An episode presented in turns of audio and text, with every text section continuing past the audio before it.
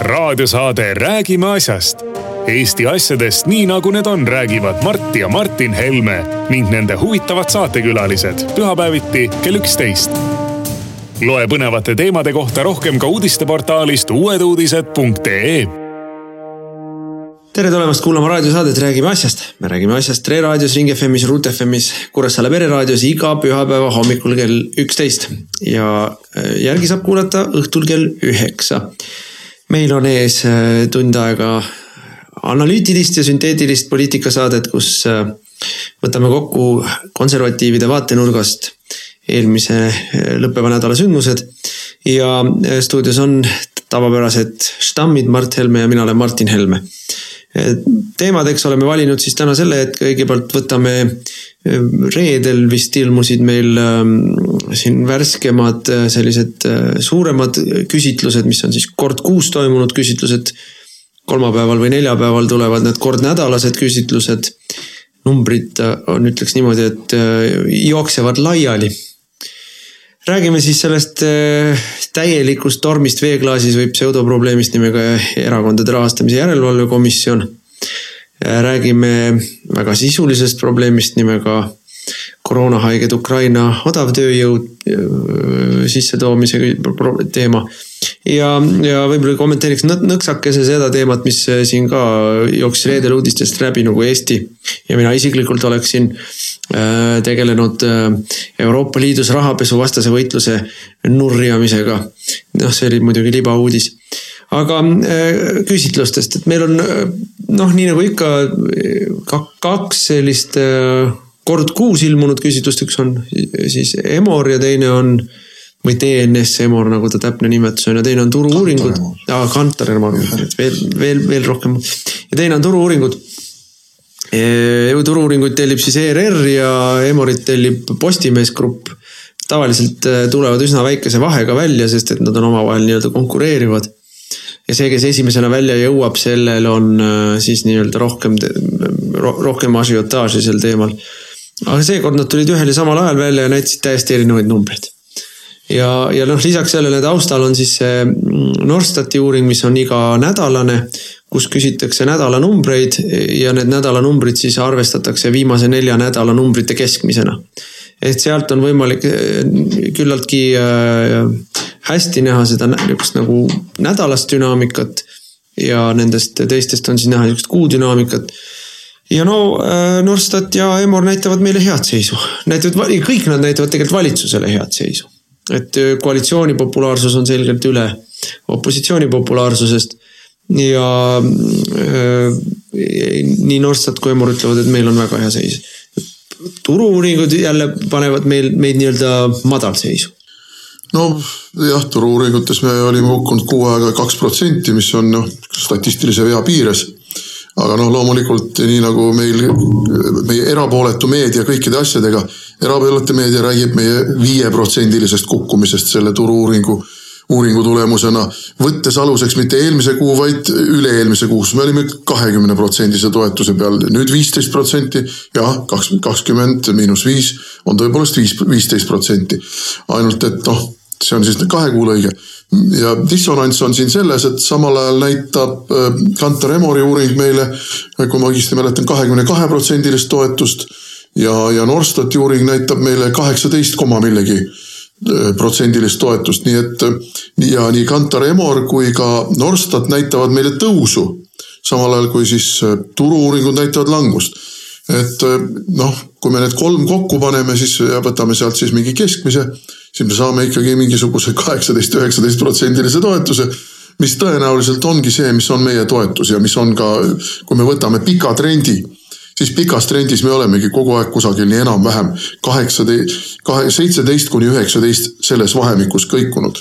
et noh võta või jäta, noh, see tundub ka üsna tõenäoline. no esiteks võib-olla paar märkust, mina ütleks ka, et eh, see on üsna alatu võte, aga väga propagandistlik ja ma saan aru, miks seda tehakse. Eh, võrrelda selle kuu numbreid siis maksimumi või miinimumi vastu, mis me siin, ma ei tea, viimase, ma ei tea, aasta või, või kahe aasta, noh, tänapäeval põhimõtteliselt öeldakse, et alates valimistest, et noh, see, see päris mõõdik on see, kui palju valimistel hääli said ja mis oli valimiste protsent ja siis öeldakse, et tipp oli siin ja põhi oli seal ja, ja noh, sellega, aga seda võiks nagu kõigiga võrrelda. et kui me ütleme tipust tulemise kohta, Reformierakond on tulnud tipust, tipp oli neil kolmkümmend kaheksa protsenti nüüd nad on, on kümme protsenti alla tulnud, et noh, see, siis tuleks nagu kõigi puhul öelda, palju see tipust alla tulemine on olnud. see, see on esiteks üks selline noh, üsna, üsna riukalik viis numbritega eh, manip-, manipuleerida. teine muidugi on see, et mille, mis on nagu oluline vaadata, on tõesti eh, võrdlus sellega, mis oli erakondade tulemus valimistel. Selles osas, noh, ma ütleksin on küllaltki oluline äh, mõista, kui väheoluline või kui vähe, kui, kui ebausutav on see Eesti kahesaja number. Kes valimistel sai siiski noh, seal neli koma midagi protsenti, nüüd on ta kogu aeg olnud siin kümne kandis mõnede uuringute järgi. võib-olla ongi tõusnud selle aasta jooksul, võib-olla ongi tõepoolest kahekordistanud oma, oma toetust, aga lõppkokkuvõttes äh, valimistel ta ei saanud neid hääli ja riigikogus neid ei ole ja, ja noh, kolmas asi on, nagu me ikka alati räägime, kolmas asi on trend, et kui trend on ja trendi tulebki vaadata, noh, ma ikkagi ütleks, et alla kolme kuu ei ole mõtet trendi vaadata. Selge on see, et ütleme, see kriis mingis mõttes lükkas loksuma poliitilised jõujooned Eestis ja nad, nii nagu nad pärast eelmisi valimisi settisid ja on olnud suhteliselt stabiilsed kuni ütleme siis koroonakriisini. ju siit mingid liikumised tulevad. Äh, ja, ja võib-olla see, et need erinevad küsitlused näitavad väga erinevates suundades on osa sellest liikumisest, et, et see seier käibki edasi-tagasi ja ei ole veel kuhugi paika settinud. Aga noh, ma ei äh, ma ei näe küll kuidagi, kuidas selle kriisi taustal ütleme, meie toetus peaks olema vähenenud. et noh, see lihtsalt, see lihtsalt äh, ei klapi mitte ühegi loogikaga. noh, kriisi taustal ei vähenegi, noh siin püüti äh, seda meie numbri kukkumist turu-uuringute esindajate poolt seletada siis põllumajandusteemaga ja maasikakasvatajatega, noh, see ei ole adekvaatne selgitus, sellepärast et see maasikateema ja võõrtööjõu teema on päevakorda kerkinud sisuliselt pärast seda, kui see küsitlusperiood oli. nii et noh, neid asju kokku viia ei saa. no ma, kohe jõuame nende ukrainlaste. aga selleni me kohe jõuame, jah. et äh, jah, ma, ma kusjuures arvan, et ei ole ühtegi sellist üksikut, üksikut äh, nii-öelda piiksatuspoliitikas, mis, mis tegelikult väga mõjutaks erakonna toetust, et see on ikkagi nii paljude asjade summa ja, ja ma nagu tahaks ikkagi näha, kus on see suur noh, viis protsenti Eesti valijaskonnast, kellele nii kangesti läheb, läheb korda kõrge tööpuuduse või tööpuuduse kasvu ajal see, et me Eestisse jätkame iga hinna eest odavtööjõu importi. et ma, kui see, kui see peaks mõjutama avalikku diskursust ja avalikku arvamust, siis noh, kindlasti mitte meie vastu et äh, see, selleni kohe jõuame. raadiosaade Räägime asjast. Eesti asjadest nii nagu need on, räägivad Mart ja Martin Helme ning nende huvitavad saatekülalised pühapäeviti kell üksteist.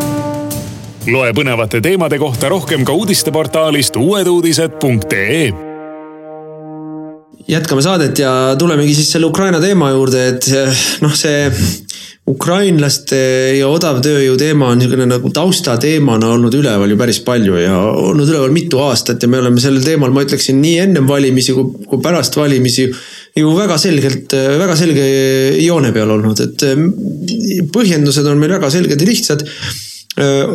ukrainlaste maaletoojad, punkt üks lammutavad ja õõnestavad Eesti rahvusriiki. punkt kaks, võtavad ära Äh, võimaluse Eesti majandusel muutuda moodsaks ja, ja tegelikult äh, tugevaks ja, ja võtavad ja pressivad alla siinsete inimeste palka. ja äh, nüüd on sellele lisandunud veel üks väga oluline aspekt ja see on rahvatervise aspekt. Ukraina, Venemaa ja Valgevene tänasel päeval on kõige, kõige hullemas koroonaepideemias ütleme siis Euroopas üldse no ja kõigele lisaks äh, nad ju valetavad, nad ju varjavad äh, kõiki neid numbreid, nad valetavad. ja, ja Ukraina riigis, noh, kui me siin Eesti uudisedki, mis on ju Ukraina suhtes peavoolumeedia uudised üsna sõbralikud. ja mina suhtun ka Ukraina riiki kui niisugusesse põhimõtteliselt suure sõbralikkuse ja sümpaatiaga. ka Ukraina rahvasse. ja Ukraina rahvasse, aga ukrainlased ei ole suutnud üles ehitada tõeliselt hästi toimivat, ausat, konkurentsivõimelist riiki. paraku on see nii ja sellele tõsiasjale tuleb lihtsalt näkku vaadata. ja selle tõttu sealt inimesed tahavad ära tulla, see on ju ka loogiline ja arusaadav. ja, ja tervishoiusüsteem on seal noh, lonkab kõiki nelja jalga, sest ta on käpuli maas ta ei olegi kahel jalal püsti seisev, et ta saaks ainult kahte jalga longata. ta lonkab kõiki nelja jalga, see on käpuli maas tervishoiusüsteem, mis ei saagi toime tulla selle, selle ohuga, mis seal praegu on. pluss siin on üks väga oluline erinevus võrreldes Eestiga. Eesti on väike, Eestis on väike rahvaarv, on suhteliselt lihtne lokaliseerida Saaremaal mõnda tuhat, mõnda tuhandet inimest, Võrus mõnda tuhandet inimest oluliselt keerulisem on seda teha juba Tallinnas, kus see kontrolli alla võtmine on palju-palju komplitseeritum. aga Ukraina, kus on nelikümmend miljonit inimest, mis on territooriumilt üks Euroopa suuremaid riike, seal selle administratiivse võimetuse juures, selle vaesuse juures, selle noh. korruptsiooni juures. vähikäiku teinud tervishoiusüsteemi suhtes, korruptsiooni juures midagi kontrolli alla võtta, no ausalt öeldes peavalu. no ja, ja, ja siis meil on Eestis äh, mingisugune seltskond, kes äh, noh, nui neljaks täiesti noh, kriisates nõuab, et me peame neid siia tooma nii palju, kui on vaja. ja nüüd on meil äh, noh, minu ja, ja nüüd on meil tekkinud ikkagi minu meelest see, see, see, see diskussioon on tegelikult, mina tervitan seda diskussiooni Eestis. Äh, minu meelest see paljastab jälle inimeste tegelikke motiive, motiive, tegelikke äh, selliseid. No kahepalgelisust ja sama himu. just, et meil noh, põhiliselt räägitakse meil maasikakasvatajatest, meil kahtlemata on ka tublisid maasikakasvatajaid. Aga kui ikkagi vaadata äh, noh lihtsaid numbreid, vaadata, kui palju meil siis on üldse neid maasikakasvatajaid põllumajanduses. see on põllumajanduse sees väga väike sektor, väga väike sektor Äh, see on sektor, kus me ju võtsime välja, vaatasin, vaatasin numbreid. Äh, no andke andeks, enamik maasikakasvatajaid ei näita, et neil oleks ka hooajaliselt palju töötajaid. No lihtsalt ei ole, üks-kaks töötajat, kolm-neli töötajat, null töötajat äh, aga riigimaksud? tööjõumaksud sealt on väga-väga väikesed, olematud, et mitte öelda olematud. et mis tööjõud, vabandust, ma küsin mis tööjõud? ja vastus on väga lihtne, illegaalne tööjõud. selle järgi nutetakse. Tööjõud, kellele ei maksta ametlikult palka, kelle pealt makse ei maksta, kelle töötingimused on absoluutselt üheksateistkümnendast sajandist pärit kus. Äh, viktoriaanlikult Inglismaal, kus ka lapsed kaevandustes lohistasid vanu nette. jah, kahe, kaheksateisttunnised tööpäevad või mida nad siin räägivad, eks ole ja siis räägivad meile mingisuguseid vihase näoga räägivad, kuidas Eesti inimene siia tööle ei tule. muidugi ei tule, kui sa Eesti inimesele palka ei taha maksta või ei taha maksta ametlikku palka või kui maksad ametlikku palka, siis see on nii väike, et see ei maksa, see ei olegi tegelikult palk, ehk me räägime palgavaesusest. ja kui sellele Eesti inimesele mm, pakutakse töötingimusi, mis on noh, allpool igasugust, ütleme euroopalikku taset kaksteist, neliteist tundi tööpäevas füüsilist tööd ilma sotsiaalsete garantiideta ja ainult mõneks kuuks. Siis andke andeks, loomulikult ei saa endale töötajaid. Ja nüüd on sinna juurde veel öeldakse, et aga muud moodi ei saa see ei vasta tõele, on olemas ka maasika, maasikapõldude jaoks on olemas masinad. see nõuab investeeringuid ja palun väga, tänane valitsus on loonud süsteemid MES-ile raha andnud, KredExile raha anda, et neid investeeringuid teha, et see raha oleks teil. aga seda ei taheta. ja, ja, ja tullakse meile rääkima ja minul on väga lihtne, mina ütlen selle kohta väga lihtsalt. kui meil on ühel pool paarkümmend maasikakasvatajat, kes ei taha inimestele palka maksta ja tahavad, et need ilma palgata või mustalt töötavad inimesed teeksid äh, tõesti üheksateistkümnenda sajandi tingimustes tööd. Äh, ja teisel pool on meil kümned tuhanded töötuks jäänud Eesti inimesed siis mina tean küll, kelle poolt, kelle eest mina seisan. mina seisan selle eest, et need Eesti inimesed saaks tööd, mitte et jätkatakse Eestisse äh, epideemiat tagasi toovate ukrainlaste sissevedu äh, orjatööjõuna mul ei ole, mul ei ole siin mingisugust, minu meelest siin ei ole millegi üle arutada. siin ei olegi millegi üle arutada, kusjuures, kusjuures minu abikaasa Monika sai reede hommikul kirja ühelt inimeselt, kes kirjutas et tema nägi ka seda juttu meedias, kuidas maasikakasvatajatel ei ole tööjõudu ja tema otsustas, et tema läheb äh, appi neile. nii helistas Maasikakasvatajate Liitu või mis iganes liit see on seal seal öeldi, et jaa, et no meie nüüd otseselt sellega ei tegele, aga me anname teile ühe maasikakasvataja telefoni. küll aga peab valitsus sellega otseselt tegelema, see on üks asi, mis mind alati vihastab, et see, et nemad, põllumajandusettevõtted tulevad ja trambivad jalgu, tahavad, et, et mina ministrina teeks ära selle töö, mis on tema töö no, ettevõtjana. kaabud tulgu ise põllule, kaabud tulgu põllule, ka kaabud, kaabud. minul on oma töö ka neljateist tunni. ma ei ole valinud seda, seda tööd. nii helistas sellele maasikakasvatajale, ma ei hakka nime nimetama, aga see on üks nendest, kes on kirjutanud alla sellele suurele hädakirjale, petitsioonile. nii, ja see ütles, et ei, et ega meie ei taha eestlasi tööle, et meie ikkagi praegu ootame endiselt ukrainlasi. et äh, aitäh, et te pakute, aga meie teid tööle ei võta. ühesõnaga, teile helistab inimene, ütleb, ma tulen teile tööle ja te ütlete, et te ei taha teda, te tahate ukrainlasi ja siis te ütlete avalikkuses, et aga eestlased meile tööle ei tule. see kõik on vale, sest te tahate orjatööjõudu. muide, see meenutab mulle ajaloolasena Ameerika Ühendriike, kus kodusõja eel, kus ka üheks põhiküsimuseks oli orjandus. kodusõja eel needsamad plantaatorid ütlesid, et aga mille üle te kaebate siin nende neegritega seoses. meie juures on neil palju parem kui Aafrika džunglites vot umbes niimoodi on ka teie suhtumine, aga siin on neil ju palju parem kui seal Ukrainas, kus nad on ju päris näljas ja imevad käppa. et no see niisugune küüniline orjapidajalik suhtumine on absoluutselt vastuvõetamatu. ja veel üks moment.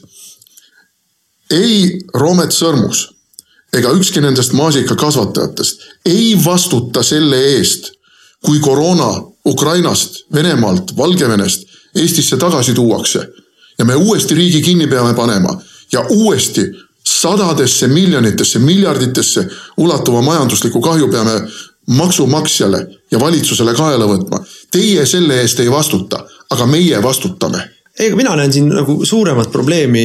ma näen siin noh mitut aspekti, ma saan ju suurepäraselt aru, et kogu see äh, nii-öelda maasikakasvatajate hädakisa on ju suures osas äh, noh, ütleme noh, on, on taevakingitus opositsioonile ja meediale. on infooperatsiooniks muudetud. on muudetud selgelt infooperatsiooniks tänase valitsuse vastu, aga eelkõige meie erakonna vastu sest et noh, väga selgelt üritatakse pöörata nii-öelda maainimest meie vastu ehk meie tuumikvalijat meie vastu pöörata, et ei hooli maainimesest. vabandust väga, täpselt vastupidi. meie tahame, et see maainimene saaks maal tööd, mitte tema asemele ei toodaks Ukrainast odavtööjõudu ja meie maainimesele öeldakse, et mine Soome, kui tahad. mida on ju tehtud aastaid ja aastaid, kuidas siis jõudsid need õnnetud maasikakasvatajad selleni, et eestlast võtta ei ole. ta saatis selle eestlase, kes tuli talt korralikku palka küsima lihtsalt puu taha ja see eestlane läks Soome. aga siin oli üks töövahendaja, ma ei mäleta, mis firma see oli kes ütles ju ka väga selgelt välja, et tegelikult maasikakasvatajad meilt tööjõudu ei küsi.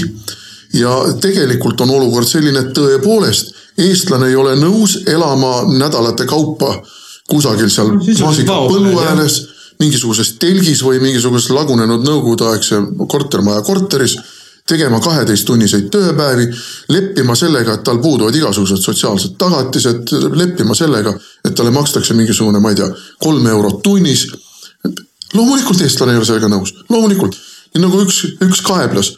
no mis ma teen sellise töötajaga, tuli mulle siin üks noor naisterahvas tööle poole päeva pealt ütles, et ma pean lapsele lasteaeda järgi minema, mul ei ole sellise töötajaga midagi peale hakata. kujuta pilti, eks. jah, kujutad ette, sellel inimesel on oma isiklik elu, tal on lapsed, kelle eest ta peab hoolt kandma, ta tahab saada normaalset palka ja, ja see on teie jaoks vastuvõetamatu, no nii ei saa. ei, mind, mind põhiliselt häiribki see, et eh, noh, esimene asi on see infooperatsioon ja ma ütlen veelkord, et tegelikult me näeme, et siin on väga selgelt motiveeritud seltskond, kes eh, väga kõva kisa teevad ja see on väga väike seltskond tegelikult, see ei puuduta. ma, ma, ma olen ju suhelnud siin erinevate su, su, suurpõllumeestega ka, kes ütlevad, et nad ei saa üldse aru, mis Ukraina jutt see käib. et nendele on vastupidi väga negatiivsed kogemused ukrainlastega, lõhuvad masinaid, kalleid masinaid ei ilmu kohale, kukuvad jooma. noh, et see noh, on, on olemas väga suur seltskond nii põllumajanduses kui mujal tootmises olevad ettevõtjad, kes ütlevad, et, et nemad ei taha Ukraina töölistest kuulda mitte midagi. ja ainult need, need millegipärast lehte ei jõua ja nemad petitsioone ei kirjuta. ja teine asi on see, et noh, mina olen ka olnud ettevõtja, väikeettevõtja tean väga hästi, et personalipoliitika, omale heade töötajate leidmine on igasuguses ettevõtluses A ja O, kõige suurem väljakutse ja kõige olulisem asi, et sa oma ettevõtlusega, see ongi, ütleme, kui sa oled tegevjuht või juht, see on sinu kõige suurem ülesanne. on leida töötajad, kes teevad selle töö ära, mis sul on, on vaja, et on ära tehtud. see ongi sinu kui ettevõtja kõige suurem selline igapäevane mure. ja, ja nüüd ütlevad need ettevõtjad meile nii, nagu nad ka raksavad, et tulgu meie nendele põlluvahelisele vabandust, mina ei ole praegu ettevõtja ja kui ma olin ettevõtja, siis ma ei arvanud, et riigikogu liikmed või valitsuse liikmed peavad minu töö ära tegema. see, see on nii väärastunud mõtlemine, et mulle on arusaamatu, mis kohaga üldse mõeldakse. ei no see on sulaselge häbematus lihtsalt, see on sulaselge häbematus ja matslus ja siin teisiti ei ole seda võimalik nimetada. aga ma esitan ikkagi küsimuse, et aga kuidas me siis ikkagi Reformierakonna juhtimisel jõudsime selleni, et ilma ukrainlasteta me ei saa ehitada ilma ukrainlasteta me ei saa lüpsta, ilma ukrainlasteta me ei saa marju korjata, ilma ukrainlasteta meil ei ole äh, sanitaarpersonali äh, haiglatesse. ilma ukrainlasteta me ei saa enam pidada isegi nagu ma olen kuulnud, äh, seda fakti peab küll kontrollima. Estonia koori, kus pidi olema enne koroonakriisi, see lasti küll laiali nüüd, aga olevat olnud juba kolmandik lauljatest Ukrainast pärit just nagu me ei koolitaks Otsa koolis ja Elleri koolis ja Muusikaakadeemiast lauljaid, ei. nojah, aga nii nagu eestlane ei armasta tööd teha, ei armasta eestlane ka laulda. ja ei, Eesti enam ei ole laulurahvas, vanasti oli, aga enam ei ole. et, et kuidas me oleme selleni jõudnud? kuidas me oleme selleni jõudnud, kuidas me oleme selleni jõudnud, et meil on lühiajalise ja pikaajalise tööviisaga praegu Eestis, praegu Eestis koroonakriisi ajal, koroonakriisi lõppu, viiskümmend tuhat võõrtöölist viiskümmend tuhat, Pärnu suurune linn, võõrtöölisi on meil Eestis. aga paneme siia kõrvale teise numbri veel, meil on põhimõtteliselt numbri pealt täpselt sama palju töötuid, oma inimesi töötuid, viiskümmend tuhat töötut on Eestis Nendele me maksame raha praegu, nendele me maksame töötu abirahasid, koondamistasusid. kõiki neid rahasid, mida töötu, töötukassasse on korjatud noh, siin on, ütleme, poliitiliste valikute küsimus, et eh, kui palju või missugused peavad olema need sotsiaalsete toetuste paketid. kust maalt hakkab inimestel kaduma ära motivatsioon eh, minna tööle, mis neile tegelikult väga konti mööda ei ole või mida nad ei ole nii-öelda oma ihaldatavaks karjääriks ei pea. aga põhimõtteliselt on meil, Eestis on viiskümmend tuhat töötut, kellele me kõik maksame eh, elatist, et nad nälga ei sureks. ja siis meil on kõrval viiskümmend tuhat väljas, välismaalt sisse toodud inimest, kes teevad siis ära tööd, mida eestlased väidetavalt ei tee. midagi on selles pildis nii totaalselt valesti, et äh, noh, niimoodi see ei saa jätkuda. ja noh, ikkagi kõige suurem küsimus, et kelle või mille jaoks on Eesti riik kas Eesti riik on selle jaoks, et äh, siin ükskõik, kes tuleb ja teeb võimalikult odavalt tööd ja äkki isegi natuke makstakse see pealt, sealt pealt silmapetteks mõni maksukene ära. Äh, või on Eesti riik ikkagi, äh, nii nagu preambul ütleb, eesti keele, kultuuri ja rahvuse säilimiseks läbi aegade. ja kui nii on, siis noh, nii nagu sa ütlesid valitsuse pressikonverentsil odavate maasikate vastu minu meelest seda põhiseaduse preambulis välja käidud eesmärki vahetada ei tohiks. see ei ole nagu, need ei ole võrdse kaaluga asjad me maksame, maksame kõiki neid toetusi ja, ja samal ajal kõige tagasihoidlikumate hinnangute kohaselt musta tööjõu kasutamise tõttu on meil riigieelarvesse jäänud laekumata kolmkümmend kaks miljonit eurot. kolmkümmend kaks miljonit eurot, aga kui me võtame siia juurde need sada tuhat või rohkem eestlast, kes töötavad teistes riikides ja kelle maksud laekuvad teiste riikide riigikassasse siis me oleme kaotanud vähemalt teist sama palju, suurusjärk võib olla mingi saja miljoni ringis, on jäänud Eesti Vabariigile eelarvesse raha laekumata, mida me saaksime kasutada oma riigi paremaks tegemisel. Ja, ja, ja see on kõik selle, selle popsliku, selle hallparunliku mingisuguse orjapidamisliku mentaliteedi tulem. no ma ütleksin ka selle jutu peale, kuidas Eesti toidujulgeolek on ohus no kui Eesti toidujulgeolek on ohus sellepärast, et ukrainlasi ei tule meile siia maasikaid noppima, siis esiteks maasikad ja muud marjad ka ei ole strateegiline toiduaine. ja teiseks, aga kujutame ette, et on mingisugune suur rahvusvaheline kriis ja jälle järjekordselt ja ei saagi need ukrainlased tulla. mis siis saab? siis ongi Eesti käpuli või? Siis ongi Eesti käpuli või? me ei saa ju jätkata, jätkata selle mudeliga. me peame ikkagi mõtlema, kuidas me selle mudeli ümber korraldame nii, et meie toidujulgeolek, meie julgeolek tervikuna, meie majandus ei sõltu mõnekümnest tuhandest ukrainlasest no me, me ikkagi, kui koroonakriis on midagi õpetanud, siis ta on õpetanud seda, et ühel normaalsel endaga toime tuleval riigil peab olema võimekus ja valmisolek kõige tähtsamaid asju ise teha. Ja, ja, ja see tähendab oma inimestega tegemist. nii et noh, see on väga suur teema ja see on väga suur probleem, mis on siin nii-öelda nüüd raginaga laiali läinud.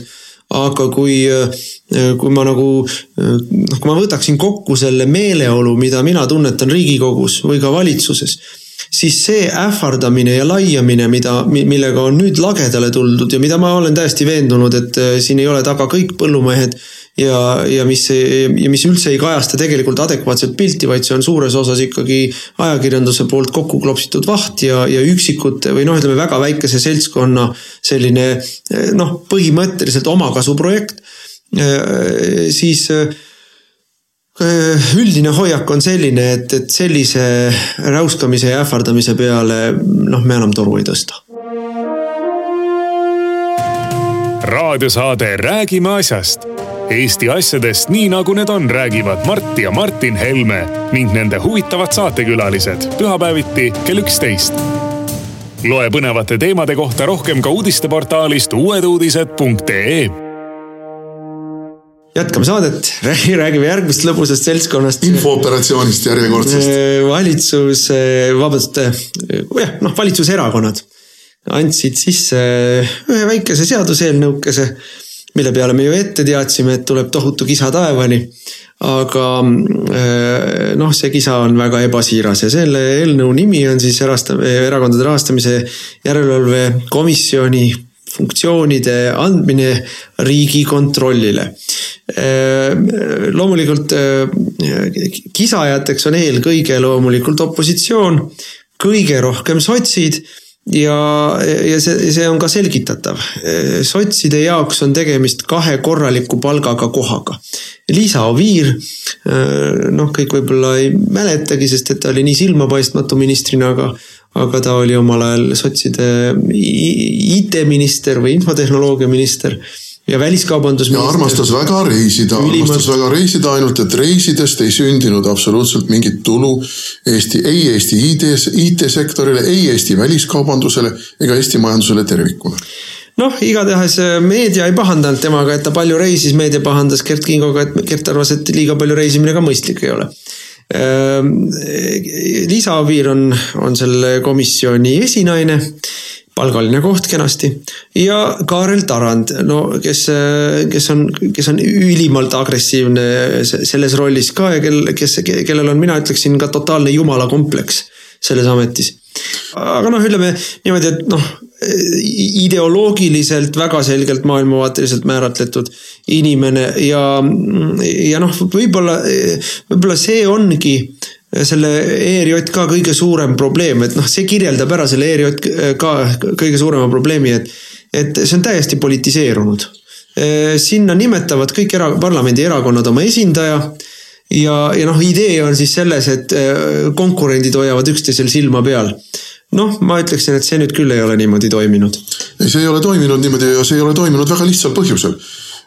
erakondade esinejad kogunevad mingitele koosolekutele, mille on ette valmistanud eh, komisjoni juht, komisjoni asejuht ja, ja mingid sekretärid ja muud no, tehnilised, tehnilised tegelased, kes seal on.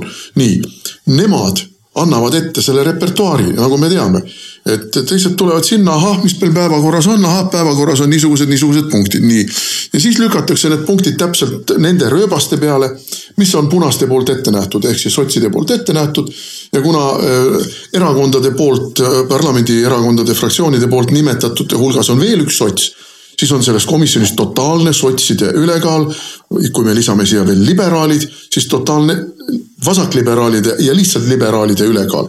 et täiesti selge, et need, kes ei ole neile suupärased, saavad seal pidevalt valu ja tõlku. puhast kiusu ja selle, selle kiusu äh, kõige suurem probleem on, et see kius on äh, võimuvolitusi ületav. ERJK on äh, sisustanud oma aega viimastel aastatel ikka peamiselt sellega, et nõuab ähvarduste, äh, ähvarduste saatel välja dokumente ja selgitusi, mida seadus ei anna talle õigust nõuda. ja me oleme ju isegi varem mitu korda nad lihtsalt pikalt saatnud äh, alustame sellest, et ERJK nimigi ütleb, et ta on erakondade rahastamise järelevalve ehk ta on tulude järelevalve komisjon. kogu erakonnaseadus tegelikult räägib ainult tulude poolest erakondadel ei ole praktiliselt mingeid piiranguid sellele, kuhu nad kulutada võivad, kuidas nad kulutada võivad ja nad ei pea ka aru andma sellest muide väga. kuidas nad oma raha kulutavad, mitte rohkem kui raamatupidamislikult ja nii-öelda maksualaselt on seadused ette näinud. aga tulusid nad peavad väga täpselt deklareerima. nüüd ERJK on nagu aastaid tegelenud sellega, et üritanud muuta iseenesestmõistetavaks, et nad võivad vaadata ka mida, mis on kulude pool.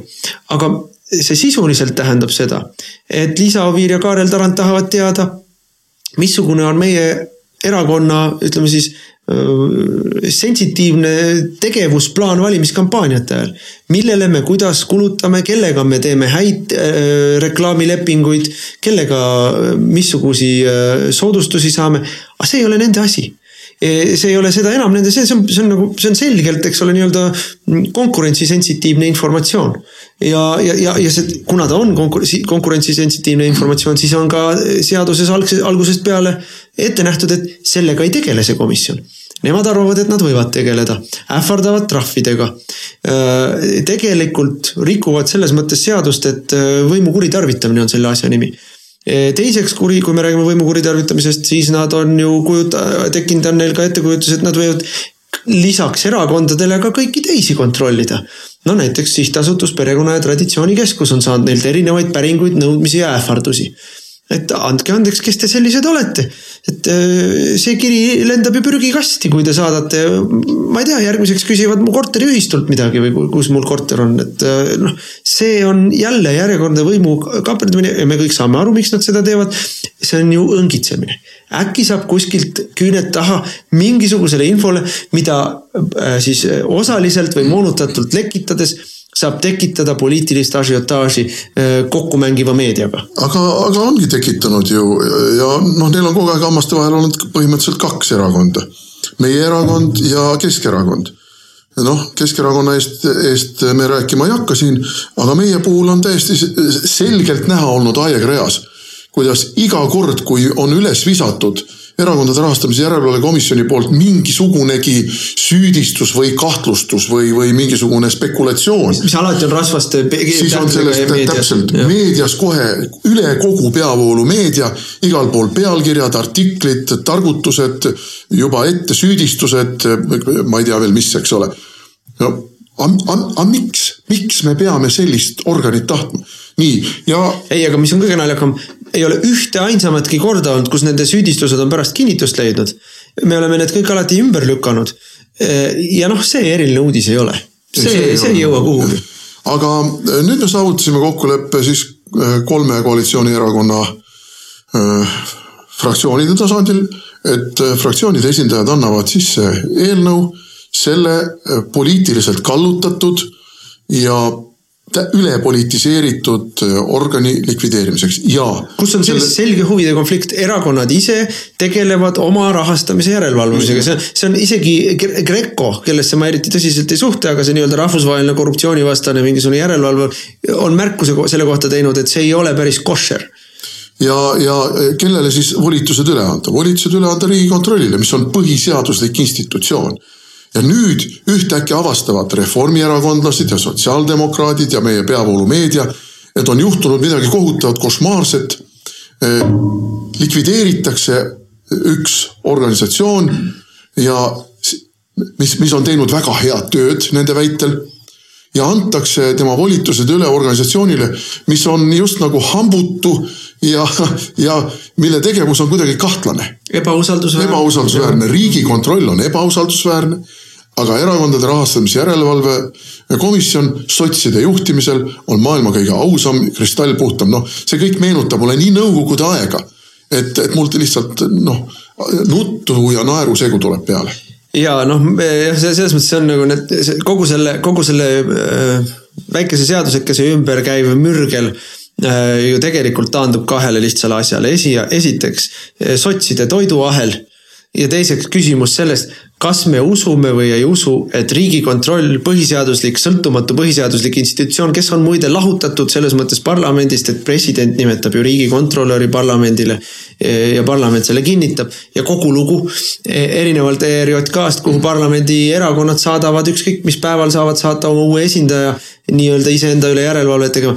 aga äh, nüüd meile üritatakse järsku selgeks teha, et seesama riigikontroll, noh, see ei ole nii sõltumatu ja, ja nii võimekas ja, ja nii asjalik, kui siis see äh, noh, see põhimõtteliselt see isehakanud äh, maailmakohtunikud seal ERJK-s, et et noh, põhimõtteliselt öeldakse meile sotside ja meedia poolt, et keda te siis usute eh, oma tervet mõistust või meie, meie valetavaid suid, eks ole, et ausalt öeldes pole vist nagu väga mul siin nagu ei teki kõhkluse kohta ja, ja noh, minu meelest eh, kogu kisa ikkagi taandub kahele töökohale, sotside, sotside toiduahelale. ei no mitte ainult, ikkagi infooperatsioonide ühe, ühe lähtekoha kaotamisele samuti.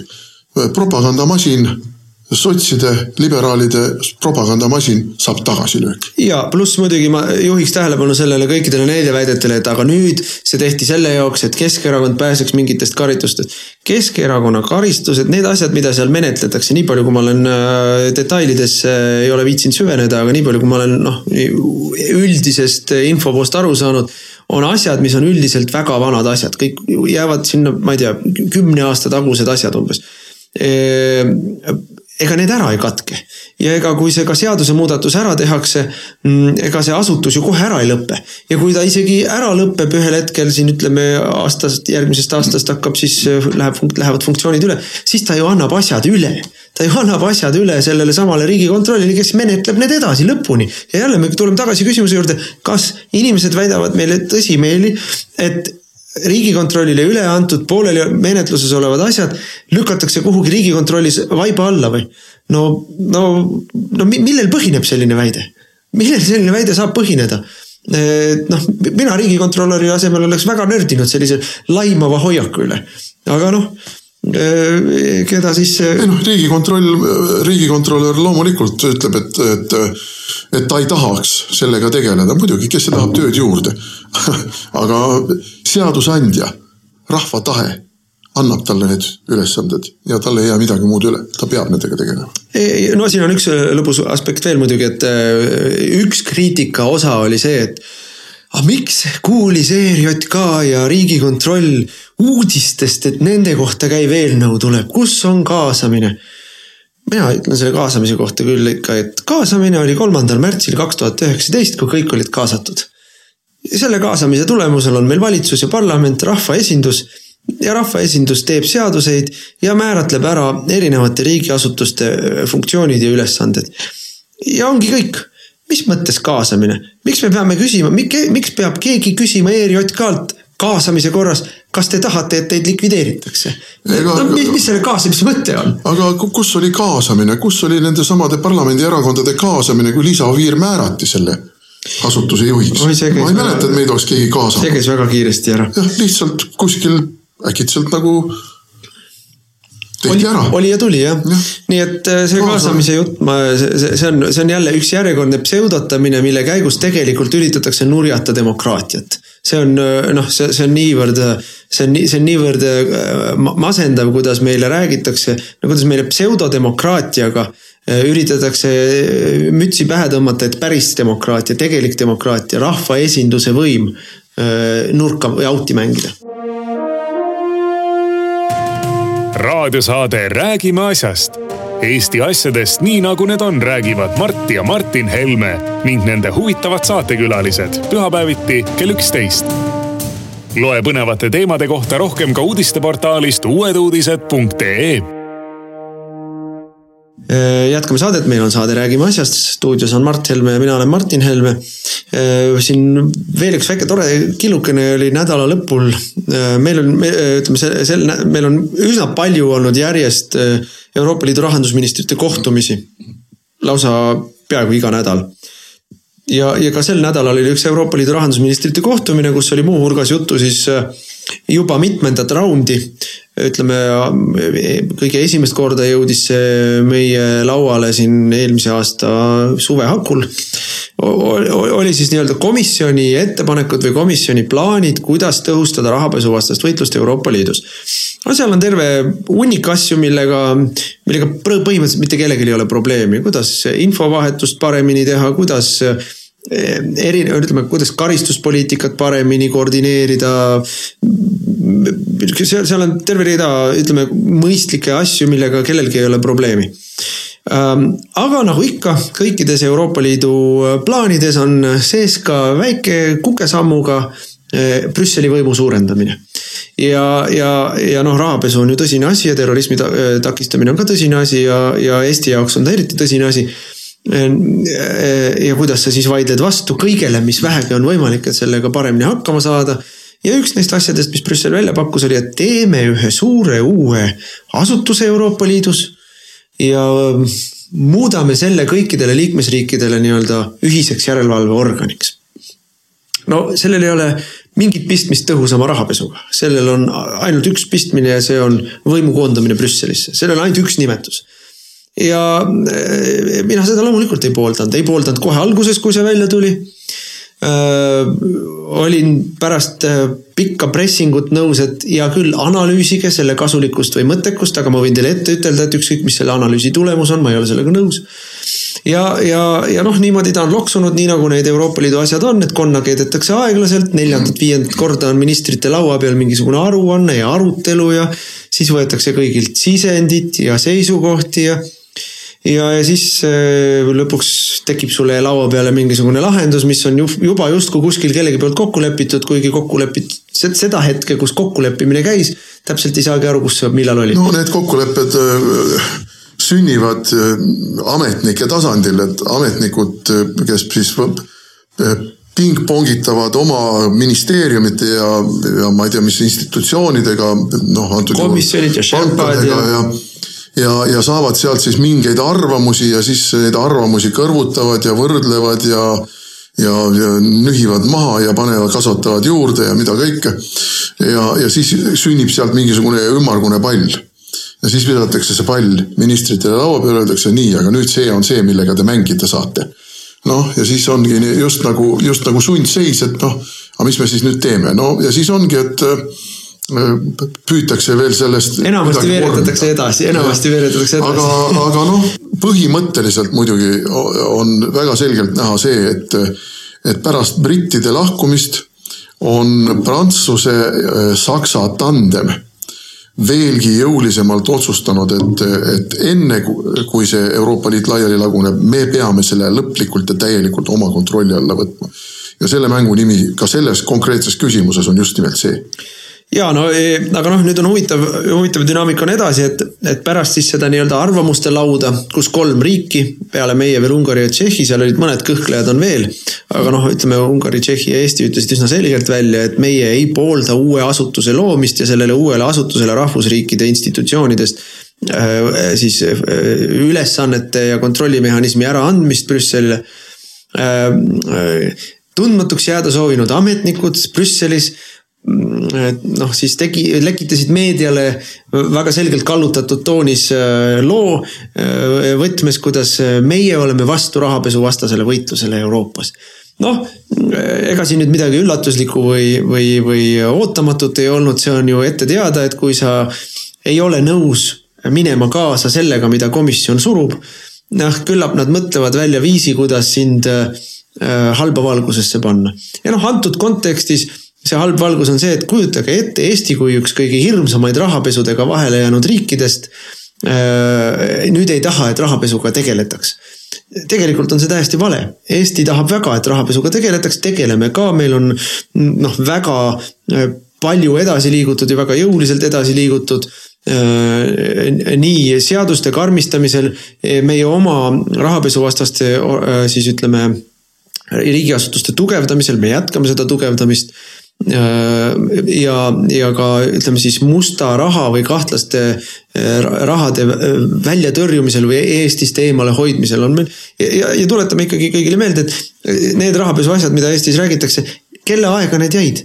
Need ei jäänud EKRE valitsuse aega Need on ikka kõik sellised asjad, mis ulatuvad mitu-mitu aastat tagasi aega. ja, ja, ja need on need, mis on meie mainet määrinud mitte see, kui ma ütlen Brüsseli koosolekul, et ei, ma ei ole nõus, et Eesti, äh, et Eesti enda rahapesuvastase võitluse organisatsioonidelt võetakse kõik äh, õigused ära ja antakse Brüsselisse. E, e, ausalt noh, ka kõige lihtsamal moel ma ei näe, kuidas see muudaks Eesti rahapesuvastase võitlust tõhusamaks. ei noh, tuletame meelde ka seda, et me oleme algusest peale tegelenud sellega, et koostöös eelkõige ameeriklastega aga natukene ka brittide ja mõnede teistega, jõuda ikkagi Eestis toimunud rahapesu eest vastutajateni. ja see on tegelikult ajanud kõiki närvi ju siin. ja tegelikult tahavad meie omad siin kohapealsed ka, et see kõik lendakski ära Brüsselisse. sest Brüssel, Brüsselit need pisikesed putukad siin ei huvita. Brüsselit huvitavad hoopiski suuremastaabilisemad asjad ja, ja oma kesksete käsuliinide ja kontrollliinide paikapanemised. et äh, loomulikult kohapealsed pühivad käed puhtaks kõigest sellest, mis on juba olnud. Brüsselit see tagantjärele samuti enam ei huvita. aga meie ei saa siin midagi teha, see kõik on, ma olen just. näinud seda, muide, ma olen seda väga selgelt näinud ja kogenud, kuidas äh, panganduse järelevalve, äh, mis nihutati ka noh, pärast suurt panganduskriisi kümme aastat tagasi pangad käitusid vastutustundliku, tundetult, meil on vaja pankadele teha ühtsed reeglid ja meil on vaja pankadele teha rangem järelevalve. ja see järelevalve peab tingimata olema Brüsselis, sest et Brüssel saab sellega hakkama, aga näete, liikmesriigid ei saanud hakkama. ja liigutatigi, liigutati küll, ütleme nii nagu kõik need Euroopa Liidu asjad on, nii nagu need pallikesed kokku saavad, liigutati niimoodi, et siis suurte pankade järelevalve läks Brüsselisse ja väiksemate pankade järelevalve jäi koha peale. Noh, tulemuseks on täielik kimäär sest et nii suurte kui väikeste pankade üle tegelikult seda töö teeb ära kohapealne järelevalveorganisatsioon vähemalt kolmekordselt on tekkinud juurde bürokraatiat, sest et selle töö tulemusel ta raporteerib siis Brüsselisse, Brüsselist tulevad alla käsulauad, mida siis siin kohapeal rakendatakse, siis tulevad õiendused ja täpsustused, kuidas te olete valesti rakendanud. järelkontrollid, eelkontrollid, kõik, mis veel aga ka, ka väikeste puhul äh, aeg-ajalt avastab Brüssel, et ta tahab ka nende asjadesse oma nina, nina toppida, see on ülimalt kehv lahendus. ja ta on tegelikult, ütleme praktilises elus on see sinna keskusesse viidud järelevalve ikkagi noh, tulnud tagasi koha peale, see töö tehakse ära koha peal, aga otsustusõigus on läinud kaugemale. ja mina väidan, et seda, see järelevalve ei ole läinud paremaks nüüd, nüüd tahetakse sama asja teha siis äh, konkreetselt rahapesu ja terrorismi tõkestamise valdkonnas. aga siin on veel üks probleem. Äh, tegelikult ka üks mõõt kõigile on halb. nii nagu majandused on kõikides riikides erinev, majanduse suurus, majanduse rikkuse tase, töökultuur, seadusandlus on ikkagi väga erinev, äriseadustik on erinev ta ei ole sobilik, see üks mõõt kõigile ei ole sobilik, see, mis toimub Prantsuse või Saksa panganduses ei toimi samamoodi näiteks Hispaania või Itaalia panganduses ja ammuilma ei toimi see samamoodi Iiri või Eesti panganduses, need on erinevad asjad ja rahapesuga on sama lugu. Eestis on rahapesu probleem, ütleme tegelikult väga selgelt Venemaalt tulev transiit. seal ära varastatud või, või kokku aetud kuritegelik raha, mis siit läbi liigub. Itaalias on see maffia. Hollandis on see narkoraha mingites noh, mingites teistes riikides noh, Iirimaal või, või Baskimaal on see terroriraha. Need on erinevad asjad ja selle jaoks on vaja erinevat oskusteavet, spetsiifikat, kohalikku, kohalikku seadusandlikku raamistikku see ei muuda rahapesuvastast võitlust tõhusamaks, kui me kõik lükkame kuhugi keskusesse ja ütleme, et tehke teie ühe mõõduga ja valvake sealt kaugelt kõrgelt Brüsselist seda, et meil siin on Vene transiit ja, ja Baskimaal on terrorism. see ei tööta lihtsalt aga noh, kui sa seda valjusti välja ütled, siis sa oled, siis sa oled mestis rahapesijatega, siis sa ei taha rahapesuga võidelda. noh, see on niivõrd, see on niivõrd, see on niivõrd tagurpidine maailm või noh, nii väärastunud seisukoht, et ma mõtlen vahel, et kas, kas, kas, kas inimesed nagu tõsiselt räägivad seda, aga näe, räägivad ja noh, siin on muidugi ka niisugune, oska isegi öelda rahvuspsühholoogia või mis lööb välja ikkagi need vanad äh, Lääne-Euroopa riigid, noh sakslased ja prantslased eelkõige, nemad kujutavad ette, et aga nemad ongi maailma kõige targemad. et mida sa nendest aborigeenidest kusagil seal Ida-Euroopas tahad saada? et need ongi ju samasuguse soveetliku mentaliteedi kandjad tänase päevani, nagu nad olid viiskümmend aastat või rohkem, kui nad Nõukogude võimu all olid. ja, ja, ja meie teame täpselt kuidas nemad peavad tegema. Nemad ise ei tea, sest nemad on soveedi mentaliteedi kandjad.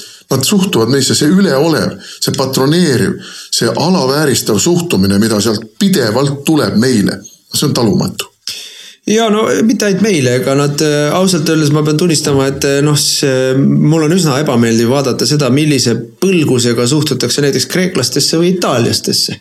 Sellepärast, et nendel on teistsugune lähenemine eelarvele või maksudele, kui on Saksamaal.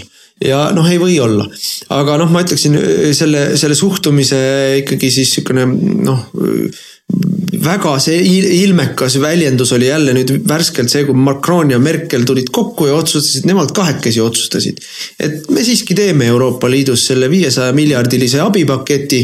Mm, kusjuures põhimõtteliselt ütlevad kõigile teistele, et teie peate maksma et äh, noh, me enam siin selles saates väga pikalt ei jõua seda käsitleda aga, aga see on, seal on nagu mitu probleemi, üks probleem on see, et tegelikult rahandusministrite kohtumisel sakslased on kogu aeg öelnud välja, et ei, nad ei toeta seda. siis järsku tuleb Merkel ja ütleb, et toetab. teiseks, meil on olnud noh, ikka mitu kuud väga mitmeid väga raskeid äh, koosolekuid ja kohtumisi, kus on täpselt selle üle vaieldud kui palju võiks või peaks, mis, mis viisil võiks või peaks, kust see raha tuleb, kes selle pärast tagasi maksab. Ja nüüd Macron ja Merkel otsustasid lihtsalt kokku, et nad ei pea teistega enam neid asju arutama, nemad kahekesi otsustasid selle asja ära. ja, ja noh, mina loen seda uudist väga ühtepidi.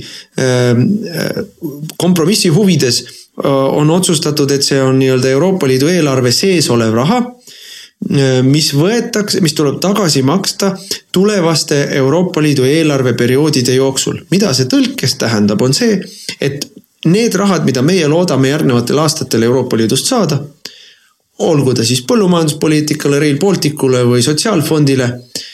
Äh, nende arvelt võetakse summad, et maksta kinni see viiesaja miljardiline päästepakett äh, pandeemias kõige rohkem kannatanud riikidele ehk põhimõtteliselt prantslastele, Eh, belglastele, itaallastele, hispaanlastele. Ja eh, mina küll ei arva, et me, me saame kohe sellisele asjale alla kirjutada. see ei ole, esiteks ei ole meiega sellest räägitud, teiseks on see meie arvelt tehtud rahaotsus ja, ja, ja noh, ma ei ole nagu ja see, noh, see, see, see, see upsakus niimoodi asju ajada, eh, see ka ei sobi aga meil on aeg läbi. ja, meil on aeg läbi, kütsime ennast mõnusasti ülesse siin. täname kõiki kuulamast, kuulake meid jälle nädala pärast ja ilusat kevadet.